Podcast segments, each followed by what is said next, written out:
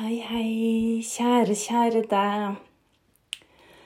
Og hjertelig velkommen til Yoga fra hjertet med Marianne Helgesen. Hvis du er helt ny til denne podkasten, så kort oppsummert så lager jeg denne bare fordi jeg har behov for å hjelpe der jeg kan hjelpe. Og Akkurat nå så underviser ikke jeg yoga fysisk, men så har jeg et behov for å få ut et eller annet. kan jeg innrømme at det er det òg. Jeg har et behov for bare å få ut noe av det jeg har lært og erfart og tenker på. Og gjennom å ha jobba med yoga i mange år, så har jeg fått gode tilbakemeldinger på at det hjelper andre. Eh, det jeg har sagt og gjort, så tenker jeg OK, men da lager jeg en podkast, sånn at jeg kan få snakka med dere gjennom den. Og hvis det kan hjelpe noen, så er jeg superfornøyd. Om det bare er én eller to som syns det her er flott, så ja, ok, jeg er ikke helt fornøyd. Det er litt kjipere enn å bare ha to som lytter, kanskje. Ok, det må jeg å innrømme. Nå skal jeg liksom si den fine talen her, og så bare Nei, men altså Ja. Rett fra hjertet er i hvert fall sikkert ærlighet. Jeg snakka om Satya i forrige episoden, det å være ærlig. Og selvfølgelig er det stas å ha mange lyttere, og hver gang jeg sjekker den kontoen og ser at det har kommet flere lyttere og flere avspillinger Og nå er det vel eh, 2,8 K eh, avspillinger på podden, så blir jeg selvfølgelig superglad for det, fordi det er jo selvfølgelig hyggelig at noen orker å lytte. Um, kanskje lytter du også bare for at du syns at uh, du vil ha noe å le av, eller kanskje du lytter for å få slappa av.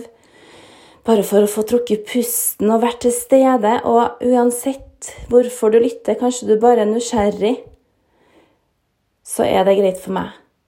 Jeg håper jeg kan bringe deg litt ro inn i hverdagen, og det, det jeg ønsker å belyse akkurat nå, det er om du kan prøve å roe ned litt. Ro ned og se hva som skjer. Vi har en tendens til å leve i 110, for vi skal gjøre så mye og rekke så mye. Jeg kjenner jo særlig på oss kvinner. Vi skal både gjøre det perfekt hjem, gjerne ha et par hobbyer. Man skal selvfølgelig stille opp for barna, ordne fancy mat, og så har vi kanskje jobb i tillegg. Og da blir det automatisk ganske mye stress. Mens menn merker at de har ikke så mye forventninger på seg som det vi har, da. Det er kanskje forventa at de skal lykkes i karriere, og hvis de stiller opp hjem, så er det på en måte en ekstrabonus. Og da, ja Jeg føler at det er litt sånn, bare correct me if I'm wrong. Det er selvfølgelig også masse forventninger på menn. Det er klart det. De skal være den store, sterke ikke gråte, ikke vise følelser. Og det i seg sjøl er jo et helt eget tema som vi også kanskje burde snakke mer om med en mann. Det der å få lov til å være sårbar og usikker og liten og vise følelser, det har jo vært en ting som bare kvinner nesten har fått lov til. Og det er jo fortsatt litt sånn, så likestillinga i Norge den er ikke i nærheten av der den skal være. Det arbeidet er ikke ferdig, ikke i nærheten av ferdig. Um, jeg håper at den kommende generasjonen merker jo at barna mine har jo mye mer kontakt med følelsene sine enn kanskje gutta på min alder da jeg var yngre, muligens. Ja. Nå har jo også Pia nå en mamma som snakker om følelser hele tida, og jeg drar det jo ut av dem, for jeg kan fort se, se på dem hvis det er noe. Og eksempel hvis, hvis jeg ser at de egentlig er lei seg da kan jeg spørre Det er bare én av eksemplene, da. Du, lille venn, eller gullet mitt, nå ser jeg at du er lei deg. Er det noe du trenger? Er det noe mamma kan gjøre? Eller har du lyst til å fortelle om det, sånn at vi kan ordne, sånn at det blir bedre? Og jeg, har, jeg sier til barna mine at jeg kan alltid hjelpe dem å få det bedre. Og jeg tenker så utrolig mye på det der med ungdommer som sliter nå. Og så at jeg er veldig sånn oppmerksom på det med mine. Vi snakker og vi snakker og vi snakker. Og noen ganger så sier de jo 'Mamma, det går bra'. Så de er i hvert fall sett. Jeg prøver også å sette meg på samme nivå som dem, og sette meg inn i deres måte å leve livet på for å forstå. For at det er ikke noe vits å komme sånn Ja, men det der er bra for deg, så det må du gjøre. Det er ikke noe vits å komme med noe sånn ovenfra og ned-greie, men man må prøve å være på samme nivå og forstå at OK, det der forstår jeg at det er vanskelig. Hvordan kan vi prøve å løse det sammen? Eller hva er det du trenger fra meg? Kanskje så trenger de bare å bli henta på skolen en gang. Sant? At man kan bidra med noe litt praktisk. Sånn at det er en mindre ting å bekymre seg for. La oss si at de hadde bekymra seg for skoleveien fordi at vennen eller venninna var borte fra skolen den dagen. Og så vet de at det er en sånn ungdomsgjeng som kommer motsatt vei ca. på samme tid. Det kan være en så enkel ting, og at du sier men du, da kommer jeg og henter deg i dag. Og det kan faktisk ta bort så mye stress fra dem. Da. Ja, selvfølgelig skal de få utfordra seg. Og det er ikke at man skal sy puter under armene på dem, men jeg mener at det er ikke det. Det å stille opp og det å ta bort litt av stresset for dem, for de har mer enn nok å tenke på. Mer enn nok forventninger til seg sjøl. Og det å bare kunne lytte til dem og høre etter akkurat hva de trenger. Og det kan være en sånn liten praktisk ting, sant? Og det gjør så utrolig mye. Da kanskje de senker skuldrene og OK, nå går det bra. Og For de kommer til å få mer enn nok utfordringer. De har mer enn nok utfordringer i livet. Husk på at en ting som ikke vi hadde da vi var små. Altså, Jeg er jo 45, som min generasjon. da Vi hadde ikke sosiale medier. og Bare det medfører så utrolig mye mer stress for ungdommen. Så igjen fra stress til å ro ned. Hvis du som voksen, eller hvis du er ung som lytter på her òg, uansett, det å bare stoppe opp litt og ro ned. Roe ned kroppen, roe ned hodet. Så er det mye lettere å også se klart. Det er lettere å vite aha, hvordan vei skal jeg gå nå? Og man kan gå feil noen ganger. Det hører også med i erfaringen å gå feil. Men bare ro ned. Sett deg ned. La hendene hvile i fanget eller én hånd på hver fot. Håndflatene pekt oppover. Jeg har ikke meditert på morgenen nå i dag, så jeg tar meditasjonen med dere, tenkte jeg. La ryggen være lang. Lukke øynene og toppen av hodet skyves opp mot taket.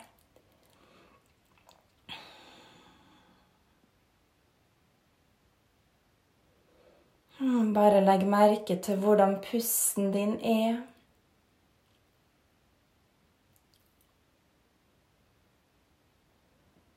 Hmm, legg merke til hvordan kroppen føles nå.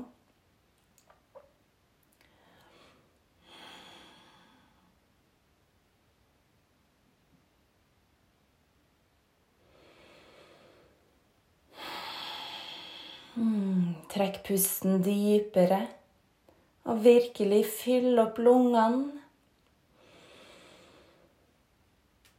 Og puste helt ut. Kjenn at du gir slipp på stress. Gi slipp på det du ikke trenger.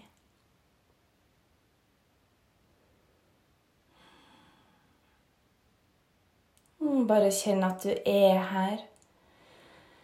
Kanskje pulsen, hjerteslagene roes ned.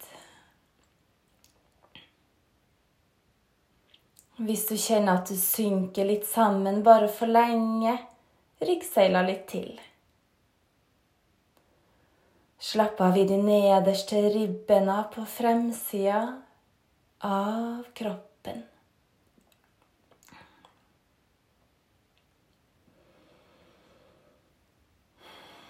La pusten bli jevn. Langt innpust. Og et langt utpust.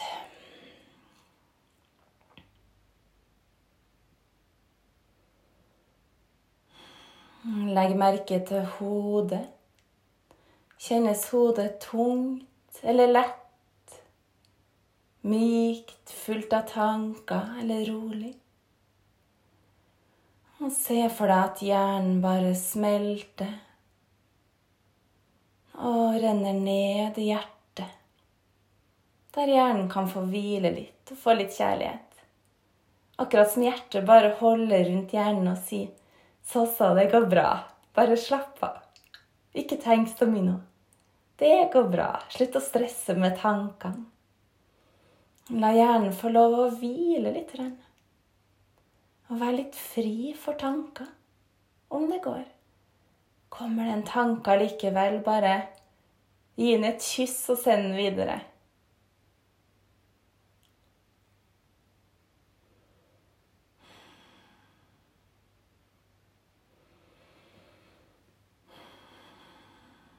Og bare sitte og puste rolig inn og ut. Og vite at du er her akkurat nå, akkurat der du skal være. Det er ikke tilfeldig at du er akkurat der du er. Og nå bare inviterer jeg deg til å bare kjenne etter, eller bare se litt innover. Og så tenk på den situasjonen, en situasjon du kanskje er i nå, eller hvor du er i livet ditt, og se rundt deg og sjekke er det noe jeg kan lære her. Og gjerne da kan du gå til det som kjennes vanskelig. Er det noe du kan erfare eller lære? Føler du at det er en test? Bare se for deg nå at en situasjon du er i, det er en test.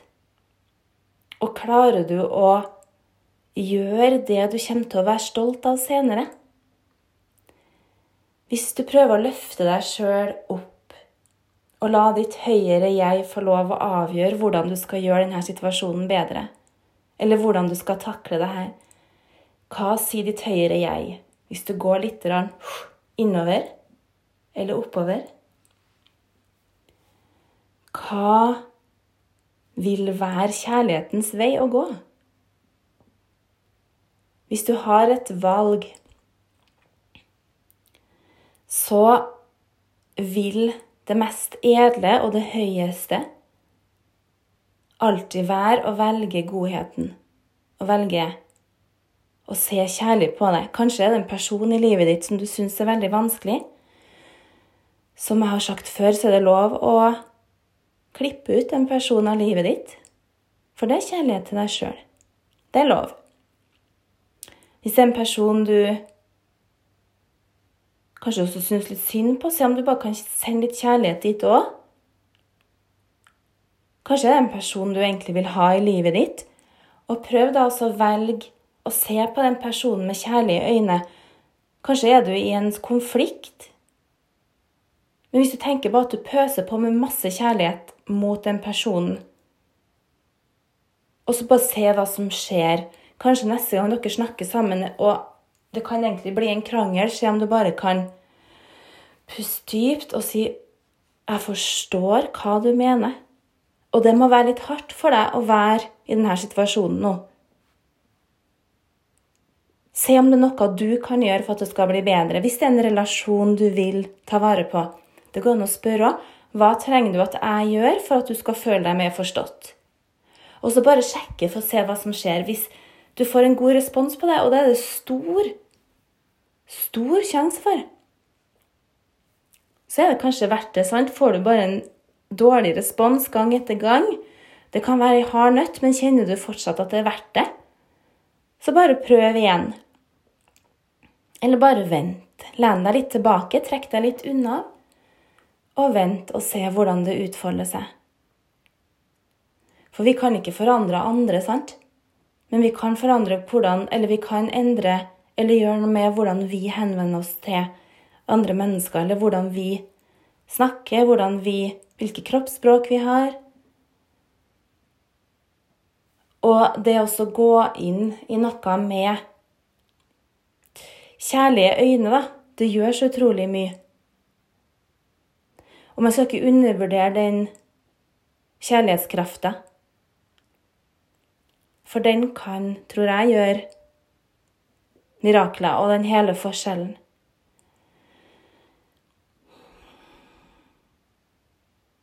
Og hva er det som vil sitte igjen på slutten av livet, f.eks.? Altså når du ligger på dødsleiet, da. La oss si bare sånne enkeltting. Hvis man har valgt karrierevei i stedet for familie. Ok, når du dør, vil de på jobben din huske deg og elske deg? Sannsynligvis ikke. Men dem som vil elske deg og huske deg, det er familien din. Så det er sånne ting som jeg tenker mye på da jeg var yngre. Jeg har alltid vært sånn jeg skal ha barn og jeg skal ha stor familie. Det har vært alltid nummer én for meg. Karriere har vært nummer to. Så jeg har vært veldig bevisst det der um, fra jeg var liten. Og så har jeg samtidig tenkt at ja, jeg kommer til å gjøre en litt sånn bra karriere også. Jeg kommer til å bli huska. For det òg har jeg på en måte tenkt. Og så har jeg etter hvert liksom kjent at hmm, Jeg trenger kanskje ikke å være verdensmester på jobb. Fordi jeg har ordna meg det livet jeg vil ha. Jeg har det livet jeg vil ha hjem. Jeg har ordna trygghet. Og så har jeg tenkt at jeg har ikke noe veldig behov for å bli en sånn stor karrierekvinne i tillegg.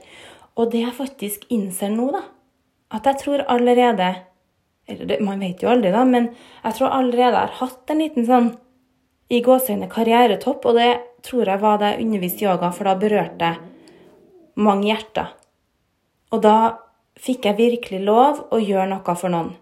Og det var min karrieretopp er jeg ganske sikker på at det å uke etter uke, dag etter dag, være der, undervise yoga, snakke med folk og gi kjærlighet, det var faktisk i hvert fall én av de tingene jeg skulle gjøre karrieremessig. Altså, jeg er sikker at jeg har lagt det bort ennå. Jeg har jo selvfølgelig flere ting jeg vil gjøre, og jeg har et stort behov for å prøve å hjelpe andre. Um, så noe er det nok sikkert i vente. Jeg har jo mange ting jeg har lyst til å gjøre.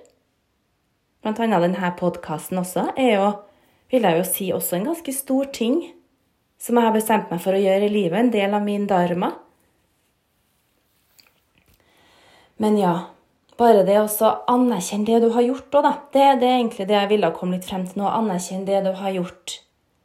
Og hvis du har betydd noe for noen, så er det det som er viktigere enn å komme i avisa med Ja, i dag så Eller akkurat nå så har den og den tatt ut eh, fem millioner i bonus hver. Altså, det er ikke det som teller. Syns jeg, i hvert fall. da. Der er folk forskjellige, sant? Kanskje det er noen, noen starmer også å få til det. Men det at ah, i dag så har jeg kanskje redda et liv fra å gå i depresjon. I dag har jeg kanskje gjort et annet menneskes hverdag bedre. Det var ei som kom til meg som hadde mista mannen sin. Og det her har hun sagt både til meg og til noen andre felles kjente. da.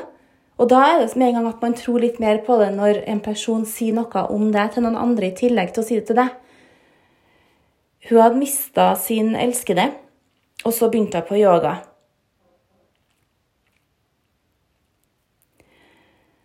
Og hun kom og sa i ettertid Nei, hun kom og sa til meg etter hvert at vet du, Marianne, jeg vet ikke hva jeg skulle ha gjort uten de her yogaklassene dine. Det er dem som har hjulpet meg videre i sorgen. Og så fikk jeg høre det av en gammel nabo som jeg var nabo til i Ann Margritsvei i Trondheim, på Byåsen, da jeg var liten. Jeg tror hun har sagt det til mamma, eller om hun sa det til meg, jeg husker ikke, for hun kjente hun yogaeleven, da. Så sa hun hun har fortalt meg at hun vet ikke hva hun skulle ha gjort uten Marianne etter det hun opplevde med den sorgen. Og det er bare sånn, Da ble jeg altså nesten så jeg får tårer i øynene nå, eller jeg får det. For da ble jeg litt sånn sjokka, for hun gikk på yoga til meg én til to ganger i uka på yogastua. Og jeg hadde ingen anelse om at det betydde så mye. Og da ble jeg litt sånn Oi. Så det er en sånn litt sånn vekker at man skal ikke undervurdere hva man betyr for mennesker, eller hva det du sier, betyr. Jeg opplevde også det samme med en ung gutt. En pen, ung gutt som var superflink og alltid gjorde en Fikk beskjed om skulle si, på yogatimene mine på Gløshaugen. Og han kom bort da jeg skulle gå i svangerskapspermisjon. Og han var litt sånn stammende. Han stamma litt og var litt usikker. Dritpen. Så bare tenkte jeg just hvorfor er han så usikker? Og var litt sånn skjelven og sa at jeg har bare lyst til å si at det her har betydd veldig mye for meg å komme på timene dine. Og ha ingen anelse. Ingen anelse om at det hadde gjort en forskjell i livet hans. Og da ble jeg sånn åh. Så, man, så jeg tenker med det jeg vil si til deg, da, ikke undervurder det du betyr for mennesker. da. Kanskje tror du at du ikke betyr så mye, eller at det du har sagt, ikke betyr, betyr så mye. Kanskje møter du den personen ikke så ofte. Men kanskje har du sagt én setning. Én setning som den personen har tatt med seg. Som betyr noe. Ja. Så, så ikke undervurder det du betyr for andre. Det kan være mye, mye mer enn det du tror. Mm. Sitter fortsatt i meditasjonsstilling, så er det superbra. Bare puste. Og nå handler jo denne podkasten plutselig om ungdommer og det å ha det litt vanskelig som ungdom. Og det å se ungdommene, og det at de har et stressfullt liv. Og så ble det litt om det at du betyr noe for folk, og det å roe ned. Noen ganger så vet jeg hva podkasten jeg snakker om, skal handle om. Vet du, Noen ganger så bare slår jeg på opptak, og så blir veien til mens jeg går. Så noen ganger vet jeg ikke hva den handler om. Så tittelen den må alltid komme etterpå. Fordi jeg får et tema, det bare kommer av seg sjøl. Fra magefølelsen, fra mitt høyere jeg, skulle til å si. Jeg føler hva jeg skal snakke om. Så blir det bare sånn. Håper du likte denne episoden, og hvis du likte den, så blir jeg superglad om du har lyst til å legge igjen fem stjerner. Gjerne skriv en liten review også. Det hadde vært så koselig. Hvis du vil. Ha en fantastisk dag, kjære, kjære deg.